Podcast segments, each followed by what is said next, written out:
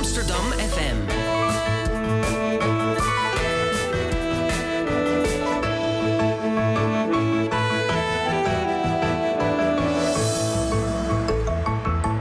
Radio Swammerdam.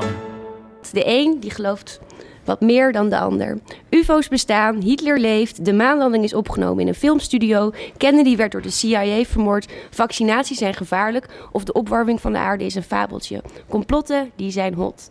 Maar waar ligt de grens eigenlijk tussen kritisch zijn en een complotdenker? In een wereld waarin wordt gelekt en gehackt, waarin de alternatieve feiten je om de oren vliegen en nepnieuws in de omloop is, is het soms lastig te weten wie we nog kunnen geloven. Waren het eerst de Illuminati, Joden of vrijmetselaars die complotten tegen de gevestigde orde zouden smeden? Nu zijn het de farmaceutische industrie, bankiers of wordt de CIA vaak verdacht. Mijn naam is Vrouwtje Waterbok en naast mij zit medepresentator Elmer Rikhoff. Uh, hoi. Hoi. Hoi, uh, jij studeert filosofie en je houdt van een beetje doordenken. Ja. Ben je zelf uh, vatbaar voor complotdenken? Ja, ik uh, maak mezelf graag wijs dat ik heel erg kritisch ben, maar ik zal ongetwijfeld wel heel veel dingen geloven die niet waar zijn. Ja? Ja. Heb je een favoriete complot? Of is ja, zeker. Ja, voor mij is 9-11 is wel mijn favoriete ja. complot. zeker het stukje dat die drie gebouwen zo kaarsrecht naar beneden instorten. Ik werk zelf in de bouw en ja, ik vind het wel fascinerend dat dat uh, kan. Ja, of niet. Of ja. niet. Ja. Uh, ik vind in ieder geval, ja, ik ben altijd wel heel nieuwsgierig daarnaar. Nou, daar gaan we het straks vast zo over nog hebben. we praten er verder over met Jan-Willem van Prooijen, hoogleraar sociale psychologie, verbonden aan de VU. En jij doet al jaren onderzoek naar de psychologie achter het complotdenken. En aan tafel zit ook Maarten Reinders, journalist en schrijver van het boek Complotdenkers hoe gevaarlijk is het geloof in samenzweringstheorieën? En we hebben hier aan tafel Bas Belleman, die zo meteen een column gaat voorlezen. Welkom allemaal. Um, Maarten, om te beginnen met jou. Wat fascineert uh, jou zo erg in, de, uh, in, dit onderwerp? Nou ja, het zijn twee dingen, denk ik. Of mijn fascinatie is eigenlijk begonnen. Ik ben journalist en ik heb een tijd lang voor Webwereld gewerkt. Dat is een site voor nerds. En ehm, na 11 september heb ik heel veel geschreven over afluisterprogramma's en het verzamelen van gegevens, communicatiegegevens van burgers. Um, het was iets, een onderwerp waar, het is nog, weet ik wel, 12 jaar voor Snowden, dus niemand maakte zich daar heel erg druk om ja. op dat moment. En het was ook heel erg het idee van, nou, terrorisme heeft plaatsgevonden en je moet iets hebben om, om daar... om het aan te kunnen pakken. En dit, dit was dan een manier van. Er werden allerlei, werd allerlei wetgeving wel vrij makkelijk doorheen gejast op dat moment om mensen te kunnen afluisteren. Maar op het moment dat je over zulke onderwerpen schrijft, dan krijg je ook heel veel mails van mensen die denken dat er nog veel meer aan de hand is en dat 11 september nooit heeft plaatsgevonden. Dat hebben, er zijn ook mensen die geloven dat er geen vliegtuigen in de Twin Towers zijn gevlogen, bijvoorbeeld. Hè. Dat gaat nog iets verder dan het idee dat uh, die torens uh, op een dubieuze manier zijn ingestort. Dus dat, dat is een beetje hoe mijn persoonlijke fascinatie is ontstaan. Van hoe, uh, eh, hoe, hoe kan het dat deze mensen daarin geloven? En dat is misschien omdat ik uh, uh, ook heel erg een soort van kind in de, uh, van de verlichting ben. Dat ik denk van ja, je, je probeert allemaal zo rationeel mogelijk na te denken. En hoe kan het dan dat mensen die verder vrij normaal lijken, toch in dit soort dingen geloven? En ik, ik geloof ook wel dat we allemaal daar ontvankelijk voor zijn in mindere of meerdere mate. dat we, ik zelf ook uiteindelijk wel. Geloof, geloof je zelf ook uh, in bepaalde complottheorieën? Nou, het is natuurlijk altijd heel lastig om je eigen, je eigen blinde vlekken te zien of zo. Hè? Misschien geloof ik wel dat iets een complottheorie is, terwijl het in werkelijkheid wel echt waar is of zo. Maar als ik naar het verleden kijk, uh, dan... Uh, bijvoorbeeld met de Bijlmerramp of zo, hè, uh, hier in Amsterdam, uh, heb ik wel in het verleden, toen zat ik op middelbare school en ik, dacht ik wel van, nou ja, er wordt ons misschien iets niet verteld of zo. En dat ik, ik, had er heel veel vragen bij. Dat is misschien ook typerend voor heel veel complotdenkers, dat ze allerlei van die vragen hebben die heel simpel klinken, maar die vrij lastig te beantwoorden zijn. En dat had ik toen ik een jaar of 17 was ook wel met de Bijlmerramp. achteraf denk ik dat er helemaal niet zoveel spannends hoort ook bij die leeftijd misschien? Of ja, weet, weet, ja, misschien ook wel dat je daar. Uh, ik denk dat bij heel veel mensen wel de, de, de basis zitten. voor het complotdenken ja. in hun puberteit wordt gelegd. Hoor. Ja. Dat, uh, uh, kan je de, even een definitie geven van een complot? Wat... Nou ja, goed, een complot zelf, dan zou je kunnen zeggen van daar, daar spannen een aantal mensen samen in het geheim om iets te doen. en een complottheorie is dan de, the de, theorie dat dat gebeurt terwijl dat daar eigenlijk geen bewijs voor is, zou ik zeggen. Maar het is heel lastig hoor, om hier uh, defini goede definities uh, uh, van te maken. Maar op zich met, met die definitie, dan, dan is iets al heel, kan al heel snel een complot zijn natuurlijk. Als me mensen samen in, in een vergaderruimte zitten en ze bespreken iets wat de rest van de wereld niet mag weten, dan is dat in feite al een complot. Ja, ja. nou ja, en dan zou je ook nog misschien zeggen van het moet nadelig zijn voor een andere groep of zo. Of je moet er iemand mee benadelen. Of, hè, dus nou ja, je, je er zijn natuurlijk ook allerlei echte complotten, hè? of uh, Watergate of zo. Hè? Dat is dan zo'n typisch uh, verhaal van uh, hoe, hoe, dan de mensen aan de, nee, de, de, machtigste mensen ter wereld samenspannen om een politieke tegenstander te benadelen en dan inbreken op het hoofdkwartier van die tegenstander. Nou ja, ja. Dus maar nee, de definitie hiervan, dat is uh, ook van complotdenkers. Hè, van wanneer is iemand nou een complotdenker en wanneer niet. Nou ja, zoals ik al zei, van, uh, iedereen is in minder of meerdere mate een complotdenker. Maar ja, dat, als je dan een boek gaat schrijven over complotdenkers, dan is het moeilijk om over iedereen te gaan schrijven. En dan, je hebt veel complotdenkers ontmoet. Ja. En um, is het, voor het algemeen worden ze weinig serieus genomen. Tenminste, degenen die in UFO's geloven. En uh, volgens mij heb je ook zo iemand ontmoet. Uh, ja, ja, zeker. Ja. Dus ik, ben langs geweest, bijvoorbeeld, je had bij de vorige verkiezing in 2012 had je een partij, de, goed zeggen, soeverein onafhankelijke pioniers Nederland. Pioniers? Ja, die, die, waren, dat was een soort, die werd in de, in de media werden ze ook wel de, de UFO-partij genoemd. En uh, uh, dat is een beetje voortgekomen uit een, een club van mensen die ook een UFO-meldpunt hadden bijvoorbeeld. Waar je dan, als je een UFO zag, kon je, kon je hem bellen of mailen en dan uh, publiceerden ze daarover.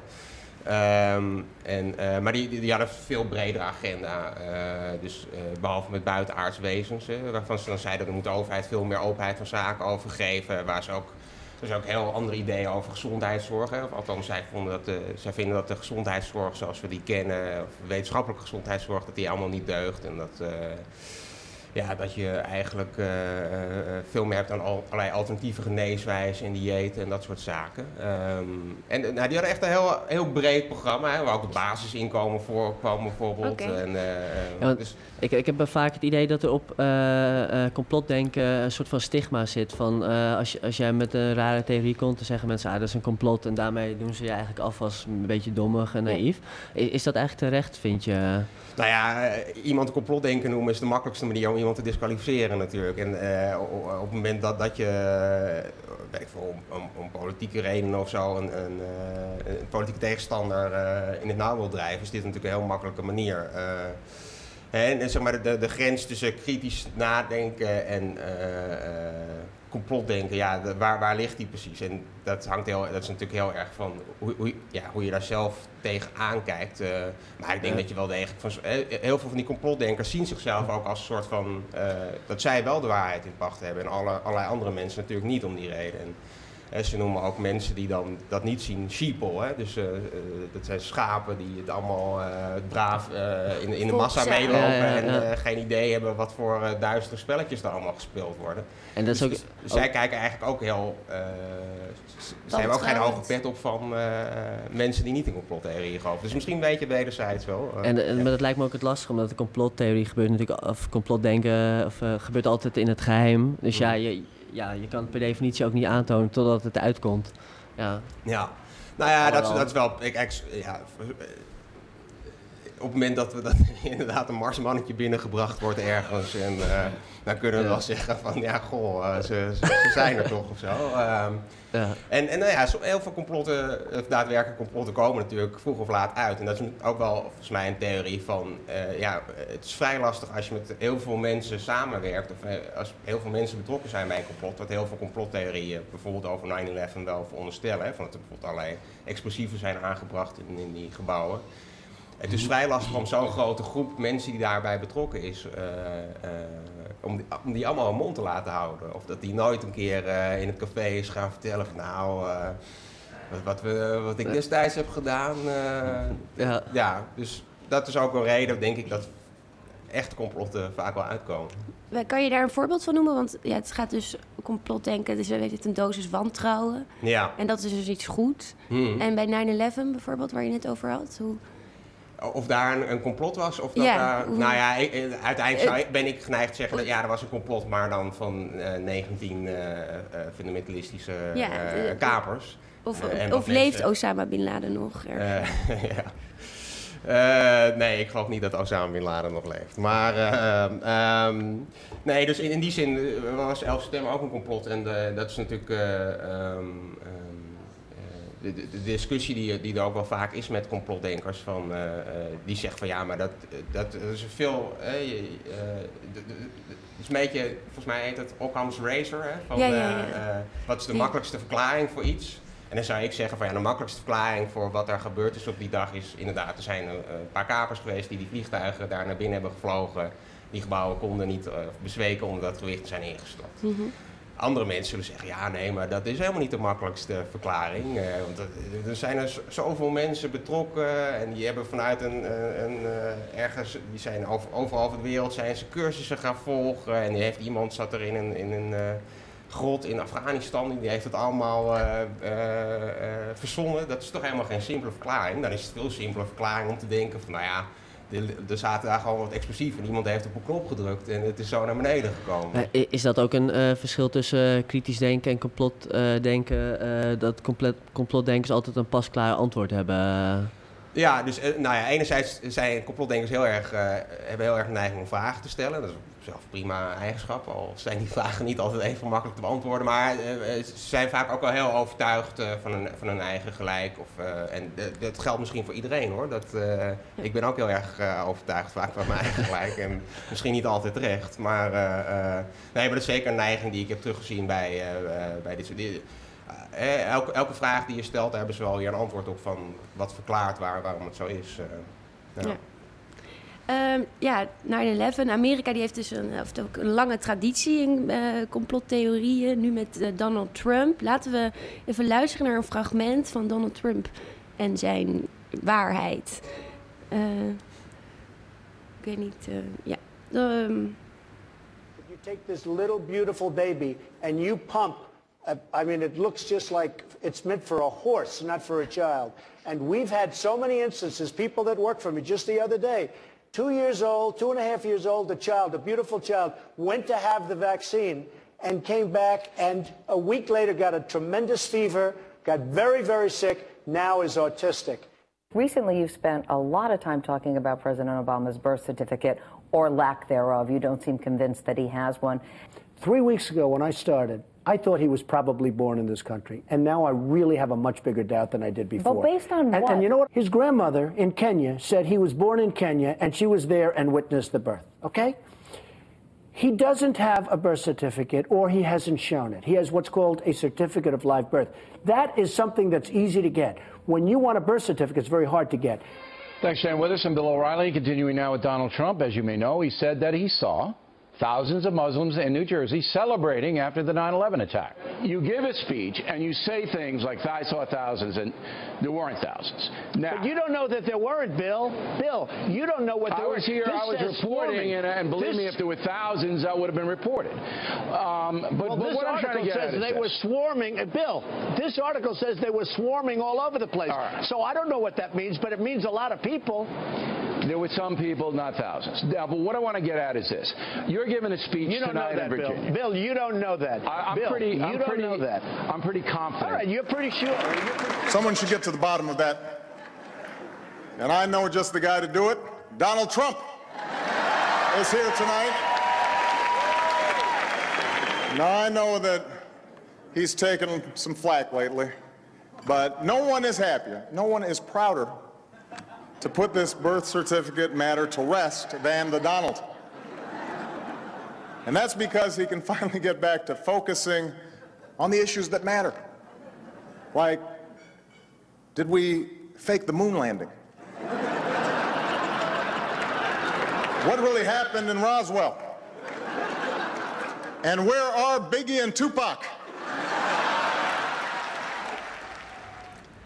Ja, waar, zijn, waar is Toepak? Ehm, we hoorden Donald Laat ze daar nou eens onderzoek naar doen. eh, ja. Veel belangrijker. We hoorden eh, Trump. En ja, het is wel eh, schokkend als je dit zo hoort. En ook, het lijkt soms wel alsof hij ook trots is op zijn, ja, op zijn manier. En dat hij er. Denk je dat het een complotdenker is? Of, eh, Donald Trump is zeker een complotdenker eh, in mijn ogen. Ja, die, eh, hij, nou ja, je hoort het in alle geluidsfragmenten. Hij grossiert echt in dat soort theorieën over vaccinatie. En, eh en inderdaad al die juichende moslims na 11 september vlak buiten New York. En, ja, ehm, eh, dus het, het- is wel, nou ja, dat is enigszins zorgwekkend inderdaad. Ja, Eh, bijvoorbeeld als je naar die vaccinatie kijkt, hij, heeft nu, eh, hij wil iemand aanstellen, eh, Robert F. Kennedy, zoon van de, de vermoorde senator. En, en de, die ook heel erg gelooft dat vaccins heel erg gevaarlijk zijn, dat je daar autistisch van wordt. Of dat mensen of kinderen autistisch daarvan worden. Ehm, en zeg maar, de, rol die de president daarin kan spelen, die kan niet zeg maar, eh, opeens vaccins gaan verbieden of zo in Amerika. Dat is eh, heel erg eh, de rol, de staten zelf gaan daarover. En natuurlijk zijn ook de ouders zelf hebben daar ook nog iets over te zeggen. Maar, zeg maar het, feit dat, dat hij dit debat op gang brengt, en dat past wel een beetje in een trend van denk de laatste jaren dat er veel meer vragen worden gesteld bij zin van vaccins.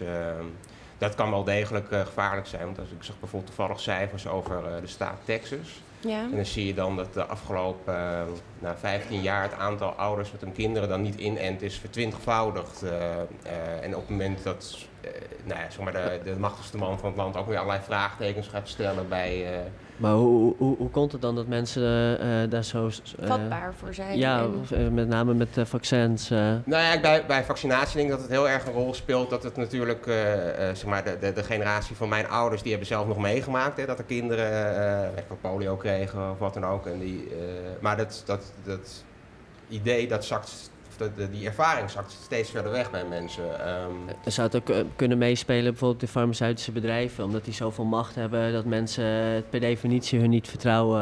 Nou ja, dat, natuurlijk, dat, is, dat, is, dat speelt absoluut ook een rol. En eh, eh, ik denk dat je heel veel terechte kritiek kunt hebben op, op de farmaceutische industrie. En eh, het, feit dat er af en toe natuurlijk eh, niet, eh, eh, niks wordt, dat bedrijven om, om eh, eh, niets vertellen over, eh, slecht, over bijwerkingen eh, of nadelige bijwerkingen van medicijnen. Of dat, er, dat ze medicijnen voor heel veel geld eh, eh, in de markt zetten om, om, om er zoveel, eh, om, ja, om, om er gewoon voor hun aandeelhouders eh, zoveel mogelijk aan over te houden. Ik denk dat dat, dat voedt wel degelijk natuurlijk het wantrouwen tegen zo'n industrie. Tegelijkertijd, ja, ehm, het, het- is heel gevaarlijk, denk ik, om eh, ouders die vaak toch al eh, we- eh, in een onzekere periode van hun leven zijn, of nou, van alles verandert er voor hen, om die eh, eh, eh, wijs Ja. te maken dat vaccins slecht zouden zijn. eh, eh, Ja. ja. Er moet toch een bepaalde consensus op de wereld zijn waar we. Ik heb ook nooit gezien dat de aarde rond is, maar ik ga daar wel van uit.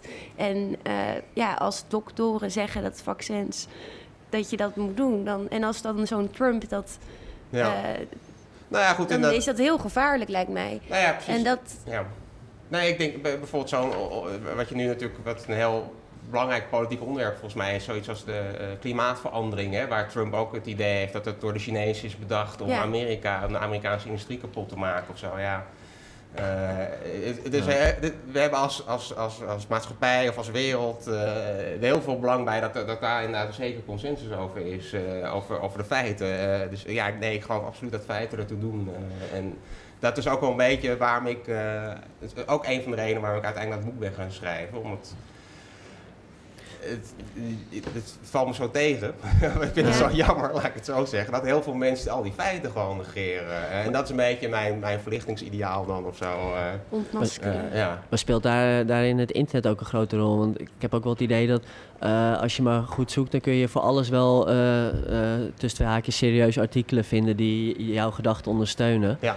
Eh, Nee, internet heeft het eh, heel makkelijk gemaakt om natuurlijk je eigen werkelijkheid bij elkaar te shoppen. Tegelijkertijd denk ik wel, het is natuurlijk echt iets van alle tijden, complotdenken. Vroeger gooiden we heksen op de brandstapel. eh, en bijvoorbeeld met de moord op Kennedy, dan ver voor, nou ja, ik denk dat internet toen net alleen voor wetenschappers bestond.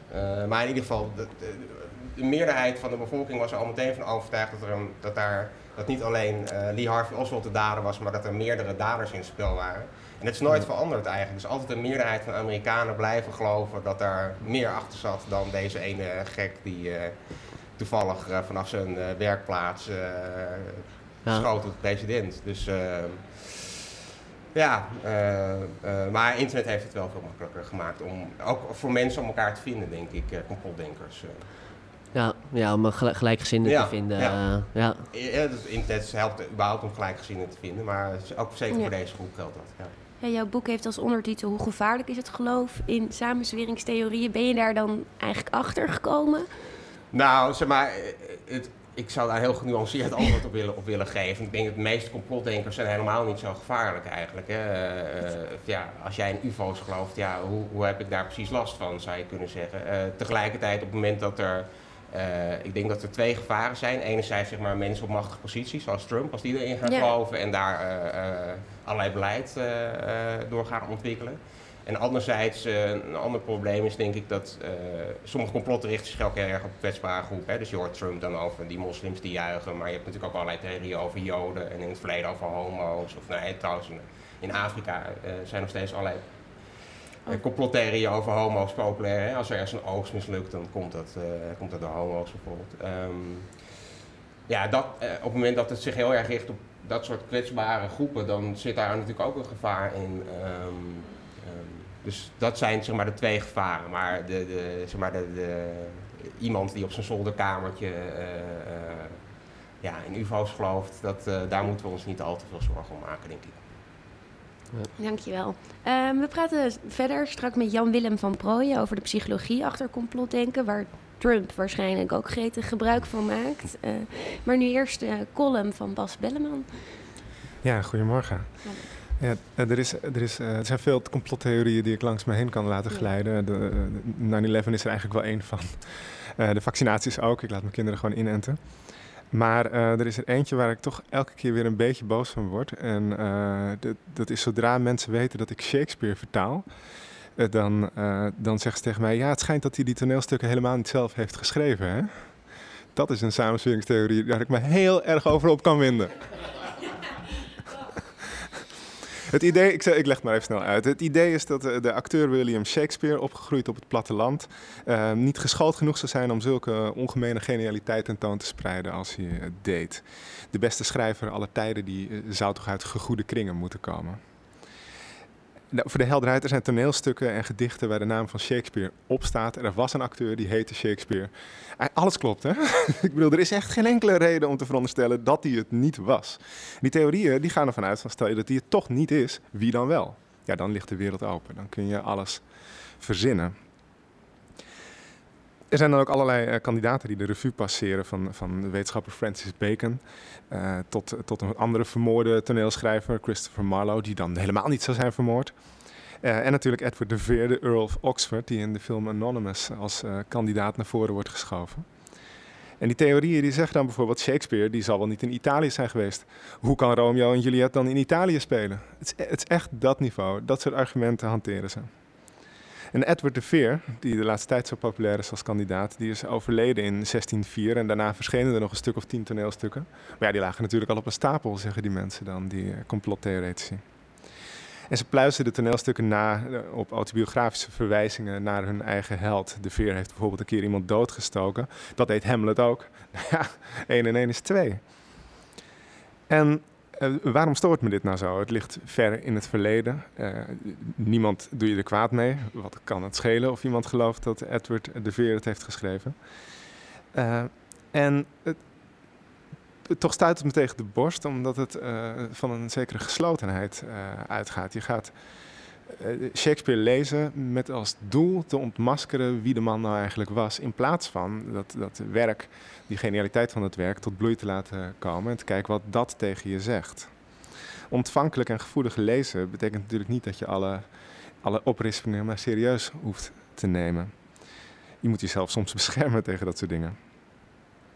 En wat me er ook aan stoort, is dat het in zekere zin probeert om uh, Shakespeare onschadelijk te maken. Terwijl je kunt Shakespeare niet onschadelijk maken. Die blijft maar gespeeld en gelezen worden. En elke keer weer opnieuw geïnterpreteerd worden. En als je zegt, ja, ik heb de oplossing, het was deze man en dit zijn de verwijzingen, dan ben je klaar. En dat gaat niet gebeuren met Shakespeare. En het geeft ook het idee dat iemand met de juiste scholing en de juiste biografie en de juiste achtergrond uiteindelijk tot het werk van Shakespeare kan komen. Dus als je maar het geluk hebt op de juiste plek geboren te zijn, een paar invloeden om je heen te hebben en een keer naar Italië te reizen, dan schrijf jij ook Romeo en Juliet. En zo werkt het natuurlijk niet. Het, het huiveringwekkende van Shakespeare is dat er maar één van is. Precies, er is er maar één Shakespeare. En al die mensen die um, overal kleine verwijzingen. Ja, je kan je hier echt boos om maken, zie ik aan je. Ja. nee, ja, nou, ach. Nee, ja, boos in zekere zin. Ik bedoel, het is een professionele uh, woede hoor. In zekere, ja. omdat, omdat, ik, omdat het me natuurlijk zo aan het hart gaat, die, uh, die, dat werk van Shakespeare. Ja. Uh, en het wordt natuurlijk ook vaak gezegd door mensen die helemaal niet zo geïnformeerd zijn en toevallig hadden gehoord van die film Anonymous. En dan uh, zeggen, oh ja, leuk, ja, nee, het schijnt dat hij dat niet alleen schreef. Hè? Ja, dat... Nou, dat vind ik heel vervelend. Lees eerst de toneelstukken nou een keer, denk ik dan. Ja, dus dan is kritisch zijn toch uh, belangrijker dan de complotdenken. Ja, sowieso, maar dit... Ja, nou, laten we dan eerst dat werk maar eens lezen. Ja, ja. En als je, dan, als je dan heel belangrijk... Ik vind biografieën van Shakespeare zijn eigenlijk al uh, vrij lastig, want er is heel weinig bekend over de man. Dus je kunt eigenlijk veel meer lezen over zijn tijd dan over hemzelf. Dat mm kan je bijna op een A4'tje samenvatten wat er over hem bekend is. Maar om dan te gaan zeggen, ja, hij was het niet. Ja, en alles in een hokje te willen plaatsen. Dat is gewoon, dus eigenlijk moet je gewoon die nieuwsgierigheid en die fascinatie gewoon. En het is ook, ik heb nu een paar kandidaten, maar er is zelfs een Amerikaanse studie, die heet Authorship Studies. Ja. En dan, dan uh, ja, daar studeer je gewoon af op je kandidaat. Dus er zijn echt 90 uh, kandidaten of zo waarop je kunt zeggen, volgens mij is dit hem. En daar zit ook uh, koningin Elisabeth I, er zit er ook gewoon tussen, die zou het hebben geschreven. Maar ja, dat kon ze natuurlijk niet publiceren als koningin. Weet je, ik, voel je ja. een beetje hoe dat gaat? Ja, ja, ja, doet mij een beetje denken aan moord op Kennedy, waar er ook uh, iets van 90 mensen worden genoemd die de schutter zouden zijn geweest. Ja, ja, ja. Je hebt zo'n onderzoeker die al die, al die namen heeft doorgegeven pluist en nou, natuurlijk allemaal afserveerd. Ja. Maar die schrijft ook van ja, als het inderdaad 90 waren geweest, dan is het gewoon een wonder dat die man nog intact uh, het ziekenhuis is binnengereden. uh, ja. Waren jullie bekend met, eh, met deze complottheorie? Nee, deze ken ik niet, maar ik, kan me de woede goed voorstellen. Uh, ja. Ik had er wel eens van gehoord, maar ja? ik had er niet in verdiept verder. Nee, natuurlijk. Ja, um, wat voor onderzoek heb jij gedaan, uh, Jan-Willem? Ja, ik doe, ik doe onderzoek naar de psychologie van complotdenken. Dus ja, welke persoonlijkheidsfactoren, welke situationele factoren welke, maken dat mensen gevoeliger of ongevoeliger worden voor het geloven in complottheorie. Dat is eigenlijk de kern van mijn onderzoek. Kan jij iets dan over dit menstype, wat dan in dit soort, waar uh, Bas het over had? Of is dat lastig? Nou ja. Wanneer komt het op? Het ja, nou het komt vooral op in, uh, in, in, angstige en onzekere situaties. Hè? Uh, dus nou, het is, je zag bijvoorbeeld, jij hebt het net al over 11 september gehad. de 11 september mhm. aanslagen dat is natuurlijk een hele angstige situatie. En dat leidde tot heel veel complotdenken. ja, maar dat is niet het enige. het is niet zo dat je echt één type mens hebt dat de complotdenker is. Nee. Maar je hebt wel een aantal factoren die er meer of minder gevoelig uh, van, maakt, van maakt. Dus bijvoorbeeld een diep geworteld wantrouwen in, in autoriteiten. Dat zou bijvoorbeeld uh, een verklaring kunnen zijn voor Shakespeare-theorieën. dat, dat, dat is een factor. Maar ook heel veel andere zaken die, die, die, die, die doen ertoe. Dus je hebt niet één type complotdenker. Complot, mensen die in complotten geloven, dat komt overal in de maatschappij voor, tot aan de Amerikaanse president toe. Dus we, uh, Hangt het ook samen met het wereldbeeld uh, dat je hebt? Dat, nou, uh, er is, het, is, het is grappig dat je dat zegt. Er is recent ook wat onderzoek wat laten zien dat het geloven in complottheorie op zich een soort wereldbeeld kan zijn. Dus naarmate mensen meer in complottheorieën gaan geloven, naarmate ze meer een soort wereldbeeld creëren van er is een geheime regering ergens, een aantal machtige mensen die achter de touwtjes trekken en die maken dat heel veel dingen in de wereld gebeuren zoals we ze op het nieuws terugzien. Dus uh, ja, dat heeft zeker te maken met een wereldbeeld. Sterker nog, ik denk dat uh, in, tot op zekere hoogte, uh, geloof ik, complottheorieën een manier van tegen de wereld aankijken is. Dus als je in één complottheorie gelooft, geloof je meestal ook in twee of drie andere? Ja, de, de best voorspellen van geloof in één complottheorie is geloven in een totaal andere complottheorie. Dus bijvoorbeeld mensen die geloven dat 11 september een inside job was. Nou ja, dat is natuurlijk nooit een één op één relatie. Hè, maar, maar gewoon de, de, gemiddeld genomen zal de kans wat groter zijn dat ze bijvoorbeeld ook vatbaarder zijn voor complottheorieën zoals uh, vaccins uh, veroorzaken autisme en de farmaceutische industrie houdt het bewijs daarvoor uh, voor geheim. Ja, dus die geloven verschillende complottheorieën zijn ontzettend goed met elkaar gecorreleerd. Ja. ja. Het is zelfs zo. Sneeuwbal-effect, ja. Ja, Of- het, het, het, het- het is zelfs zo. Dit is een hele leuke, Ja. leuke bevinding. In, in eh, Engeland hebben ze een keertje een onderzoek gedaan waar ze, waarin ze hebben ge- gekeken van nou ja, hoe hangen nou tegenstrijdige complottheorieën samen. Hè? Dus je hebt een complottheorie Ja, eh, van, eh, van, van nou, prinses Diana, die heeft de eigen dood in scène gezet en leeft nu ergens op een eiland met, met Dodi Met- ja. in de anonimiteit. Versus eh, prinses Diana is vermoord door MI6. Nou, dat kan nooit allebei waar zijn. Nee. Dat is, dat, dat, dat- daar zal iedereen het mee eens zijn. Ja. Dat is nooit allebei waar. Maar toch zijn die twee, dus geloof in die twee complottheorieën, dus positief gecorreleerd. Hoe, hoe dan?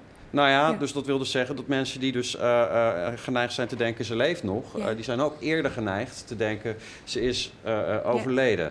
En dat, eh, en Maar dat- is het dan van, ze leeft nog en als het niet zo is, dan is ze vermoord door de Ja. MI6? ja, dat, maar dat, dat- dat, dat bleek de verklaring te zijn in dat onderzoek. Een soort Of algemeen. dit, of dat. Algemeen, Ja. gewoon, gewoon, we weten niet precies wat het is. Maar één ding weten we wel zeker: de autoriteiten, de media Ja. liegen. Het klopt niet. Het klopt niet. Het, Ja. het- ja. Maar hebben complottheorieën dan ook een, eh, een soort van positieve functie voor mensen? Of überhaupt een functie? Ja, dat denk ik. Een, een, een soort positieve psychologische functie. eh. ja, Ja. ik, eh, dat denk ik wel eigenlijk. Eh, kijk, ik, ik denk- dus dat één ding een stuk bedreigender is dan te denken dat er overal complotten spelen die aan de touwtjes trekken. En dat is te denken dat alles maar random kan gebeuren. Er is één ding. Kijk, je kunt je voorbereiden op mensen met kwade intenties. Hè? Dus je, daar kun je je tegen verdedigen. Je weet niet altijd uit welke hoek Je hebt een soort van houvast dan. Je hebt een soort van houvast. Maar Ja. gewoon het idee van, nou, ja, gewoon puur door toeval. Er kan nu een eh, vliegtuig op dit gebouw neerstorten en dan zijn wij allemaal dood over vijf seconden. Dat kan gewoon. Hè? Dat is niet waarschijnlijk, maar het kan. Dat is een veel bedreigendere gedachte voor mensen, denk ik. Ja, is dat iets specifieks aan mensen dat ze, ehm, dat ze Niet toch altijd op zoek zijn naar zekerheid? Eh, Ja, ja het- mensen, eh, willen graag, eh, mensen willen graag een soort gevoel van controle hebben in het leven. Dus eh, eh, dat is het eh, gevoel dat je eh, zelf je toekomst kan bepalen. eh, zelf in staat bent om je, aan je leven vorm te geven. En er zijn natuurlijk wel eh, omstandigheden waar je mee moet kopen. Maar, maar daar heb je wel zelf een bepaalde invloed op. En gewoon het idee van, nou ja, er zijn misschien wel situaties waarin dat totaal niet zo is. Als jij in een eh, bepaald Ja. vliegtuig zit en dat vliegtuig gaat neer, dan eh, heb je daar echt geen enkele controle op. Dan ben je er gewoon geweest. Dat vinden mensen heel bedreigend. Ja, Eigenlijk bestaat toeval niet voor de complotdenker. Ja, dat is inderdaad, eh, dat, dat, inderdaad, dat hangt eh, heel, eh, heel eh, nauw samen. We hebben eh, eh, een serie onderzoeken gedaan waarin we daar dus ook eh, naar gekeken Ja. hebben. Hè? Dus, dus bijvoorbeeld eh, eh, dus de rol van, eh, van toeval. Dus dan hadden we dus, eh, wat, ik, dat, ik heb het onderzoek met een Amerikaan, eh, sorry, met een Engels onderzoeker, Karen Douglas, gedaan. Dat hebben we dus gewoon op, de web, eh, op, op een website, eh, random.org. Eh, dat is een eh, randomizer. Ze hebben een, eh, een muntje als het ware honderd keer opgegooid. Dus Mhm. dan kreeg je gewoon zo'n string, kop, munt, munt, kop. En die hebben we dan eh, steeds eh, onderverdeeld in chunks van 10. Dus, eh, en dan iedere keer bij iedere chunk hebben we een proefpersoon gevraagd van... Oké, wat, wat, wat zie je? Zie je hier een patroon? Of, of is dit puur gewoon random? Is dit puur toeval wat je hier ziet? Of zie je hier iets van een patroon? Is die hiermee gerotzooid? Is hiermee... eh, En wat bleek nou? Gewoon naarmate mensen min- meer patronen erin zagen... Ja. dus mi- minder dachten dat die puur op toeval gebaseerde string van kop-munt-uitkomsten... eh, naarmate mensen er minder toeval in zagen, naarmate ze ook meer geneigd waren in complottheorieën te geloven. Dus het hangt inderdaad samen met een eh, overtuiging dat eh, eh. Het, het kan geen toeval zijn. Ja. Maar, maar als je dan eh complottheorieën naast eh, eh, geloof eh, legt of Mhm. eh, spiritualiteit, dan wil ik Ja. geen afbreuk doen aan, aan geloven, maar Ja, dat, dat, zou- dat valt dan eigenlijk ook wel onder een soort van complot. eh, Nou, het is, het, het is niet eh, spiritualiteit is niet hetzelfde als eh, eh, complotdenken. Wat omdat is een- precies het verschil? Omdat er bij spiritualiteit is er geen complot. Dus een voorwaarde van de complottheorie is er moet ergens een groep Een- mensen zijn het die achter de schermen. Terwijl als je denkt van nou ja, handlezen kan de toekomst voorspellen. Eh, Nou ja, ik ben he- Mhm. heel kritisch over dat idee. Ik Ja. denk dat de lijn in je hand echt geen ene, helemaal niets zeggen over, eh, over je toekomst. Maar eh, er zit geen groep mensen eh, eh, achter de schermen eh, eh, dat samen te zweren. Dus dat is denk ik het verschil. Ehm, dus het is Ja. niet hetzelfde, maar wat wel zo is, is dat eh, complottheorie en bepaalde vormen van geloof goed met elkaar samenhangen. En dan met name New Age geloof. Dus inderdaad dingen als handlezen of, eh eh, ka- of tarotkaart of dat soort dingen. Scientology. Ja, daar heb ik niet naar gekeken, moet ik zeggen. Dat eh, zou Ja. me niet verbazen, daar heb ik niet naar gekeken. Ja. Maar eh, eh, wat, eh, het, is ook niet zo heel makkelijk om eh, Scientology-aanhangers in je onderzoek eh, te krijgen, moet ik even zeggen. Maar goed, ehm, ehm, wat... eh, eh, Uh, waar het niet goed mee samenhangt, is traditionele uh, vormen van geloof, zoals christendom of uh, jodendom of, of islam. het is wel zo dat die soms misschien in bepaalde specifieke complottheorieën kunnen, kunnen geloven. Hè? Dus bijvoorbeeld, het is bekend in, in, in de moslimwereld, in, in bijvoorbeeld het Midden-Oosten, daar zijn heel veel complottheorieën over het kwade Westen, die, dus, dus, dus groepspecifieke com ja. complottheorieën. Ja. er zijn ook heel veel 11 september complottheorieën. niet, niet moslims, maar de joden zaten erachter bijvoorbeeld. Maar... Ehm, maar het is geen goede voorspeller van een hele algemene tendentie van te geloven in een wereld uh, uh, vol complotten. Maar dus inderdaad, New Age geloof wel. En, ik en volgens mij de verklaring daarvan is, is dat, ja, ja, dat klinkt een beetje, ik weet niet goed hoe ik dit moet formuleren, maar New, New Age geloof kies je net iets meer voor dan traditionele vormen van geloof. Hè? Dus als je in uh, Iran geboren bent, is de kans naar meer dan 90% dat je opgroeit als moslim en ook moslim wordt. En hetzelfde in bepaalde dorpen uh, in, in Nederland. en, en, binnen ja. New Age kun je volgens mij ook meer jouw dingen eruit pikken. Ja, mensen ja, die, die wel een half lezen geloven, maar niet in geesten. Ja, ja, exact. Dat is ook veel gevarieerder. Dat, daar, daar heb je niet een of een, een, een heilige schrift die bepaalde voorschriften maakt. Dus ik denk inderdaad dat het een wat een type van, een vorm van geloof is waar je je, je, uh, uh, je vrije geest meer de loop kunt laten gaan. Okay, zit, er, zit er ook iets... Uh, ik moet denken aan die complottheorie van mensen die zeggen... de holocaust heeft nooit niet bestaan. Ja. En ik denk altijd, nou wat fijn dat we er in elk geval over eens zijn... dat het geen goed idee was, die holocaust. Uh, mm -hmm. Of, of 9-11, dat hebben de joden gedaan, roepen die moslims dan. Want wij kunnen ons niet voorstellen dat een moslim dat doet. Mm -hmm. Nou, dat is op zich prettig. Mm -hmm. zit er ook een soort correlatie met vriendelijke mensen bij?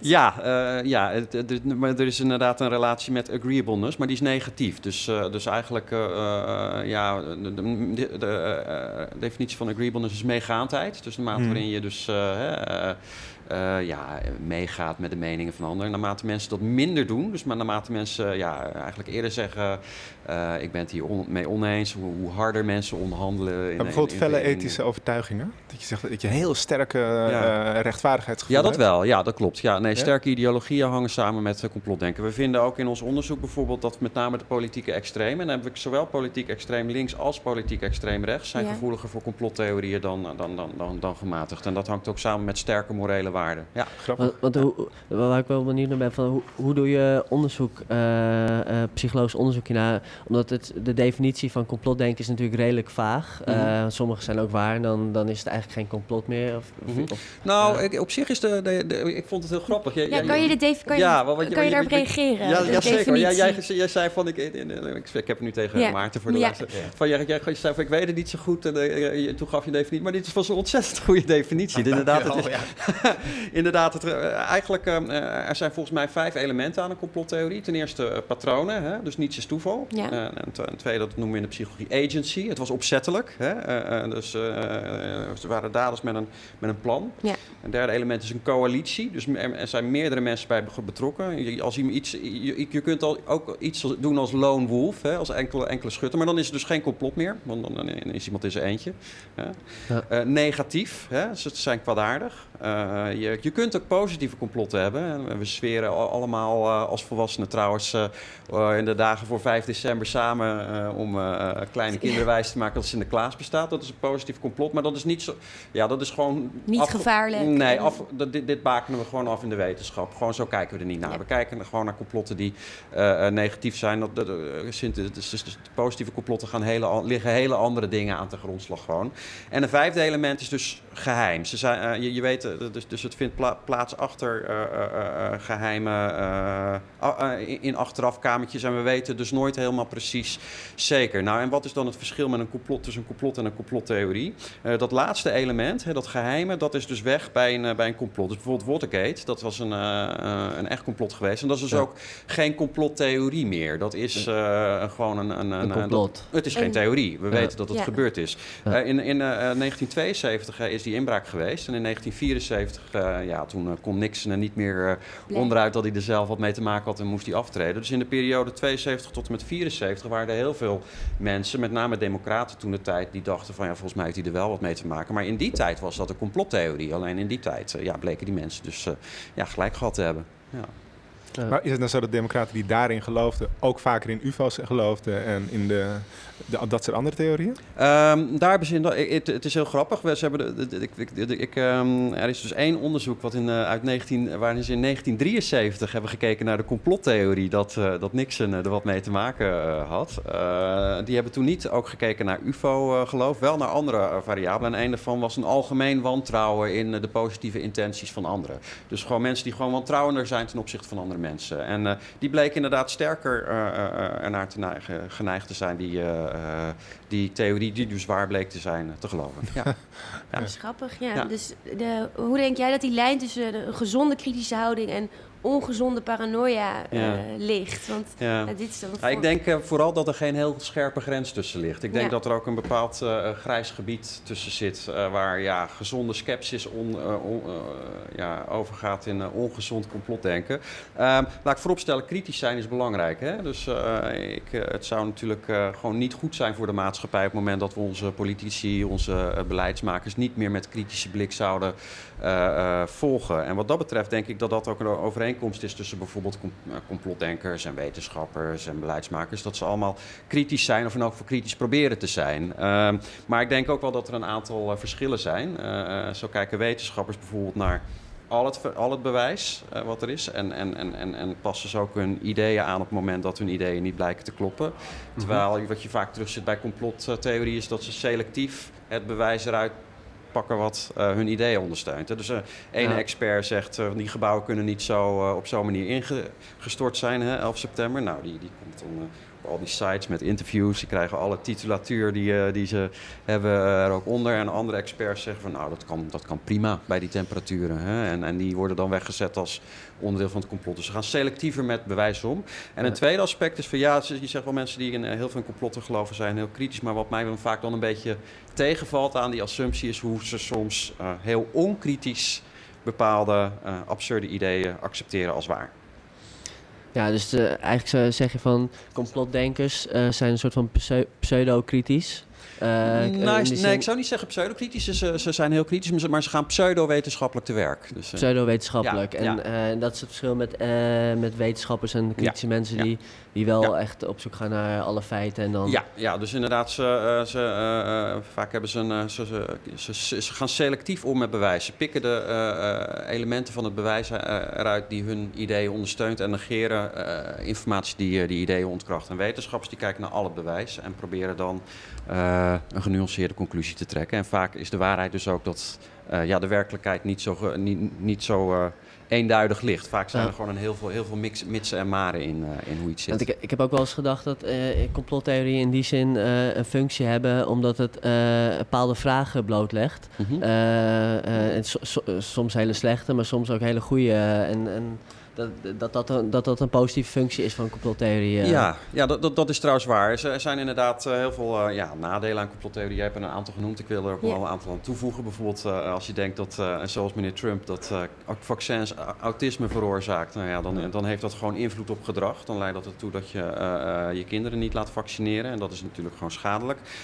desalniettemin er zijn inderdaad ook wel een aantal ja, voordelen of constructieve aspecten van complottheorie aan te duiden. En een daarvan is dat het vaak uh, beleids, beleidsvorming en beleidsmakers transparanter maakt. Ja, bijvoorbeeld uh, Edward Snowden, uh -huh. die heeft eigenlijk laten zien dat ja, wantrouwen in de, de orde ja. en de privacy ja dat we dat meer op de agenda moeten zetten. En dat, dat, dat lijkt mij een goed voorbeeld hiervan. Ja, ja zeker. En, uh, en dat is natuurlijk ook iets uh, wat ook verder uh, complotdenken kan voeden. Hè? het is natuurlijk het, het, is, het, is, het is niet zo zwart-wit van dit is waar en dit is niet waar. Kijk, ik stond zelf recht ja, van te kijken dat, dat de CIA echt de telefoon van Angela Merkel had afgeluisterd, bijvoorbeeld. Dat vond ik echt ja, best wel shocking. maar ja, dat soort dingen gebeuren dus ook. En dus wat dat betreft zijn, is het dus ook best te begrijpen dat sommige mensen ja, bepaalde complottheorieën en daar ook soms een beetje in door kunnen slaan. Nou, eigenlijk dat gebrek aan transparantie, dat, dat, dat voedt dan dat, dat, dat complotdenken in mm -hmm. zekere zin. Ja. Dus dat, ja. eigenlijk is dat ook wel gezonde ja, kritische houding. Dat, mhm. Als het niet transparant is, dan moet je daar gewoon ja, extra nou ja, zoals gezegd, er, dus gezonde kritische houding. Er, er, komt een punt dat die gezonde kritische houding oh. vervaagt en, kan, en, wat min, en, en verandert in minder constructief of minder gezond complotdenken. Hè? Dus als je maar vol blijft houden, klimaatverandering is onzin, dan, ja. dan ben je gewoon de feiten aan het negeren. En dat, ik, dat ken, goed helaas ken ik, ken ik een paar die niet in klimaatverandering geloven. ja. ja, nu door Donald Trump natuurlijk ook. En die, dat is ja. Ja. Je zit opgesloten eigenlijk in je eigen gelijk. En dan houdt de discussie op. En dat maakt het... Uh... Ja. Nou ja, dat is ook wel iets wat je denk ik een beetje terugziet in, uh, in de moderne tijd. Dat noemen we wel de, de, de, ja, verdemocratisering van kennis. Hè? Heet dat ook wel. Dus uh, nou ja, mensen zijn mondiger geworden. Ze hebben ook toegang tot meer informatie via internet. En iedereen kan op internet ook maar altijd van alles roepen natuurlijk. Ehm, en het wordt daar, ja... Ehm, mensen zijn door dat ja, misschien wat kritischer geworden op autoriteiten, maar dat is dus ook inclusief experts. En dat kan natuurlijk best kwalijk, kwalijk zijn als een dokter tegen je zegt van nou ja, er zit daar een gek, uh, gek knopje in je, in je borst en uh, dan moet je echt eens uh, naar laten kijken, want het kan kwaadaardig zijn. En dan ga je vervolgens luisteren naar een of andere spirituele heler die zegt van nou ja, ik ga, ik ga even die, die aura's die eromheen hangen met mijn handen genezen en dan ben je weer good to go zeg. Maar kijk, dat kan natuurlijk heel veel kwaad. Ja, ik, ik, het is wel leuk dat, dat je erover begint, want ik merk dat ik daar ook wel kritisch op ben geworden. Omdat je op internet hoor je natuurlijk zoveel verhalen over dat ze snoepreisjes krijgen voor op bepaalde medicijnen te geven. Dat je dan toch als je daar dan bij de dokter zit, denk je van ja, geef je me nou eh, die antibiotica omdat je er geld aan verdient? Of, uh, ja, ja, ja, ja, ja. ja. Ja. ik neem het altijd wel, maar ja, ik, ik denk wel van... Uh... Ja, ja, ja, nou ja, dat is natuurlijk... Mensen zijn wantrouwend ten opzichte van mensen met macht. Hè. Dat, dat blijkt heel goed samen te, te hangen. Dus inderdaad, hoe machtiger iemand is... naarmate mensen ook minder goed van vertrouwen zijn ten opzichte van die persoon. Omdat je gewoon niet weet wat die persoon allemaal voor belangen heeft. En, en ja, dat is op zich natuurlijk tot op zekere hoogte ook wel te begrijpen. maar goed, dat neemt, neemt niet weg dat al je opvattingen erover altijd maar correct zijn... of dat dat altijd maar tot de juiste beslissingen lijkt. Kijk, als een dokter tegen jou zegt, uh, uh, je moet antibiotica nemen, dan uh, zou mijn advies zijn dat te doen. Ja, ja. dat dacht ik ook. um, ja, wat denk je over de, de psychologische functie van complot, van complot denken. Mhm. Hoe uh, zit daar een, uh, ja, wat, voor, wat voor functie heeft het? Nou ja, het is dus een reactie op angstige situaties. Dus ik denk dat het een uh, bepaald copingmechanisme is. Mhm. Ik weet niet of het een noodzakelijk een heel, heel een, een copingmechanisme is waar je nou noodzakelijk zoveel minder angstig van gaat voelen. Het, het, wat, ja, eigenlijk wat ik ook al eerder heb gezegd. Ik denk één ding is angstiger dan geloven dat in een wereld vol complot is. Dat is een wereld waar alles maar toeval is. Uh, ja, uh, tegelijkertijd, ja, op het moment dat je uh, ja, rationeel naar dingen kijkt en denkt van, nou ja, de complottheorie, dat hoeft natuurlijk niet allemaal waar te zijn. En er zullen heus wel eens wat dingen gebeuren. En natuurlijk bestaat corruptie, dat ontkent helemaal niemand. Maar er zijn ook heel veel leiders met de, de beste intenties. Ik denk dat je dan wel wat uh, prettiger in het, in het leven staat. Dus dat is denk ik uh, de psychologische functie. Ik denk ook dat, het, dat er een bepaalde evolutionaire functie uh, eigenlijk, eigenlijk aan zit. Omdat, um, nou ja, ik ben momenteel een, een, een, stuk aan het schrijven met een, met een collega, een evolutionaire psycholoog. Waarin we eigenlijk stellen van, nou ja, complotdenken, eigenlijk komt dat gewoon neer op, op wantrouwen van andere groepen die machtiger zijn, die anders zijn en die mogelijk mm vijandig kunnen zijn. En als je gaat kijken naar de geschiedenis van de mens, is dat ook eigenlijk heel logisch. Want vergis je niet, in de oertijd was, was ja, vermoord worden een hele normale doodsoorzaak. En veel normaler dan nu. Dat kwam veel vaker voor. En het merendeel van de keren gebeurde dat door coalities. Dus door echt bestaande vijandige complotten. Dus, uh, in, in, de oertijd? Sorry? In de oertijd? Ja, het. Pleistoceen ja. Coalities in de oertijd? Dus ja, ja, dus mensen leefden als, als jagers, uh, jagers-verzamelaars in stammen. En, uh, en, en nou, zowel binnen, binnenstammen kwamen soms coalities voor, maar ook vaak... Hoe weet je dat dan? Ja. Nou ja, dat, dat, dat weten we op, op verschillende manieren. Uh, ten eerste zijn er natuurlijk, uh, kijk, kun je kijken naar mensen die in de moderne tijd nog als uh, jagers-verzamelaars leven. Dus daar, daar weten we bijvoorbeeld van dat moord dat, dat, dat, dat stammen elkaar heel vaak aanvallen. Dat er heel mm. vaak coalities zijn die, en, en dat dood door geweld via coalities uh, veel vaker voorkomt dan in de moderne tijd. En daarnaast is er ook, uh, ja, dat, dat, is dan een discipline die heet de bioarcheologie. Dus dan gaan ze kijken naar de overgebleven botten van mensen die in die tijd leven. En dan gaan ze kijken welke proportie daarvan door geweld om het leven is gekomen. En dus ook in welke mate het waarschijnlijk is dat dat coalitiegeweld was. Bijvoorbeeld doordat er meerdere botten in de omgeving liggen wat een slagveld suggereert of genocide. Hmm. Eh, dus dat, dat, dat, dat zijn voor bronnen van. Oké, oké. Ja, ja, ja, ja. ja. Ehm, maar goed, ja, dus in, in, in een wereld waarin de kans gewoon heel groot is dat, dat jij door een coalitie vermoord wordt, is het heel functioneel om een beetje wantrouwig te zijn van, ten opzichte van andere groepen. Hè? En je hebt daar een andere groep die kan mogelijk kwaad. Nou ja, wat doe je? Eh, eh, vert- vertrouw je ze? Nou, dan, dan, dan, dan, eh, kun je dus een paar dagen later afgemaakt worden of migreer je naar een andere omgeving. Hè? Dus in, ik denk in de geschiedenis van de mensheid, en, eh, tenminste in, eh, ja, zo'n, eh, in het Pleistoceen, in de oertijd, kan het heel functioneel geweest zijn om eh, een beetje wantrouwend te zijn ten opzichte van andere groepen, mogelijk vijandige stammen. Ja, ik heb zelf ook zo'n theorie dat mensen gewoon een heel slecht toevalsbesef hebben. Ook inderdaad om die vergelijkbare evolutionaire reden van... Als je geruis in een struikgewas wordt, dan kun je denken, oh, dit is de wind of zo die er waait. Maar je kunt ook voor de zekerheid wegrennen omdat je denkt dat het een leeuw is of zo.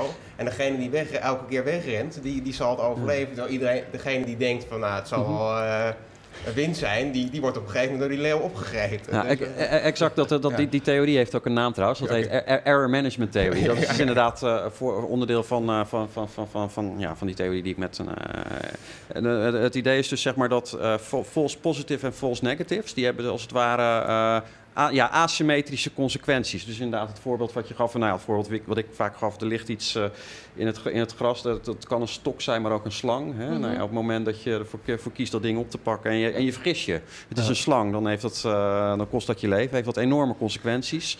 Terwijl als je besluit eromheen te lopen, nou ja, goed, dan eh, die, die stok kon je goed gebruiken, maar die heb je nu niet. eh, maar je, ja, je gaat er ook niet dood van, zeg maar. Dat is wel interessant. Dus eigenlijk complotdenkers hebben minder kans om, eh, om, om te sterven. Nou, dat, nee, dat, nee. dokters luisteren, nee, ik, denk- wij, wij denken dus dat het een mismatch is. Eh, een kijk, eh, on- on- onze omgeving is sneller veranderd dan ons brein. Eh, dus eh, kijk, een, een, een heel an- een goed vo- voorbeeld, ander voorbeeld van een mismatch is obesitas. Hè? Dus eh, in, een- in, een in een tijd waar je continu moest jagen op grote beesten en een heel onzeker bestaan was in termen van of je wel te eten had, dan was het heel functioneel om zoveel mogelijk te, te eten als je de kans krijgt. Maar nu, Mhm. eh, als je, waar je ja, eigenlijk one- oneindig kunt eten, kan, dat, kan die neiging juist leiden tot obesitas. Dus er is een discrepantie tussen de oertijd en de moderne tijd. En ik denk dus dat dit daar ook een voorbeeld eh, van, van is. Het, eh, in, in vroegere tijden kon dit gewoon levensreddend zijn.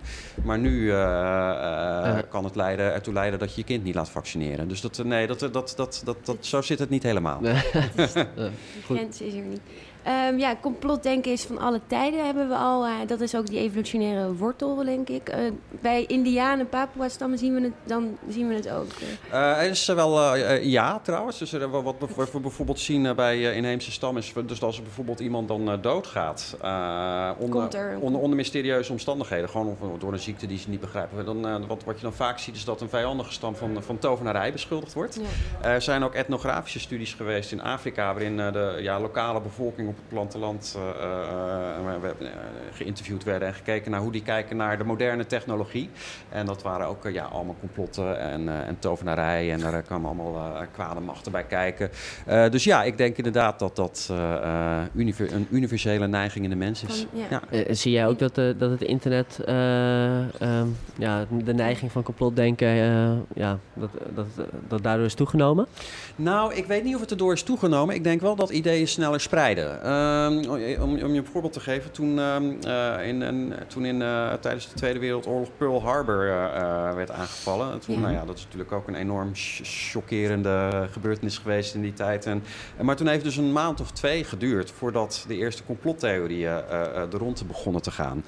Ja, nu kun je gewoon dingen lezen op internet. Het is een hele, ik weet een hele aardige anekdote. Er was in de, jullie, weten jullie de San Bernardino shootings nog? Dat is, was een, Nee. Oké, er was in Californië was een, eh, een echtpaar en die, een, eh, die gingen, een islamitisch echtpaar en die gingen, eh, die eh, hadden banden met IS en die gingen eh, een aantal mensen, en die, ja, die gingen gewoon schieten en die zijn toen opgejaagd door de politie en dat die klopjacht heeft vier uur geduurd. Mhm. Eh, en pas na vier uur zijn die door de politie eh, ja, doodgeschoten. Nou, het was, toen, het was toen elf uur in Californië, dus het was- het was dus avond hier. Ja. Eh, ik zat toen eh, met mijn vrouw op de bank en het, eh, het, de klopjacht was nog bezig. Hè? Het was net twee uur geleden eh, gebeurd en het zou nog twee uur duren voordat, eh, eh, voordat ze eh, doodgeschoten waren. En ik kon het natuurlijk niet laten. Dus ik heb toen gegoogeld San Bernardino Conspiracy. En er stonden al allemaal ja, theorieën op internet. Dat het een, val, duidelijke false flag operatie was. gewoon, de gebeurtenis was nog bezig. Die was gewoon nog, gewoon nog aan de gang. En er, stonden al complottheorieën op internet. Antwoord, ja, ja. ja. Oh, dat is wel fascinerend. Ja, dus het gaat gewoon sneller. Maar ik weet niet of het, of het ook maakt dat, dat, dat er meer mensen in gaan geloven. Dat, dat, dat, daar ben ik niet van overtuigd. Nou, we zijn alweer bijna bij het einde. Kunnen we, um, kun je, Maarten, tot slot, kan je nog iets zeggen? Denk je dat complottheorieën dichter naar elkaar toeschrijven met het kritische denken? Of die twee dingen. Ja. Uh, ik, ik, ik, uh, nou ja, het is wel ik vond het goed punt inderdaad van de, uh, het kritisch denken is gedemocratiseerd inderdaad. En je hebt ook allerlei mensen die nu inderdaad denken dat ze kritische denkers zijn, maar in feite complotdenkers. Hè. En, uh, het, het, mensen met wie ik gesproken heb, die, die beschouwen zichzelf ook als een soort van Galileo Galilei. Uh, ja. Die iets zien wat, wat, wat niemand anders ziet. En, ja, nee, ik, ik hoop dat er nog een, nog een duidelijke, af en toe nog een duidelijke scheidslijn blijft tussen, wat, uh, wat, uh, tussen feiten en uh, onzin. Lijkt mij ook. Bedankt voor het luisteren naar deze aflevering Radio Zwammerdam, waarin we het hadden over kritisch zijn en complotdenken. Maarten Reinders, Jan-Willem van Prooij, hartelijk bedankt. De column werd verzorgd door Bas Belleman. ook erg bedankt. Mijn naam is Vrouwtje Waterbok en ik presenteer deze uitzending samen met Elmar Rikhoff. Um, achter de knoppen zat Henk voor de techniek. Via onze website kunt u eerdere afleveringen in het dossier grensgevallen terugluisteren. Ook onze aflevering over aliens, die volgens mij de meest populaire uitzending is tot nu toe. Dat is ook alweer heel grappig. Uh, volg ons verder via Facebook of laat een reactie achter op iTunes. Dankjewel voor het luisteren en tot volgende week.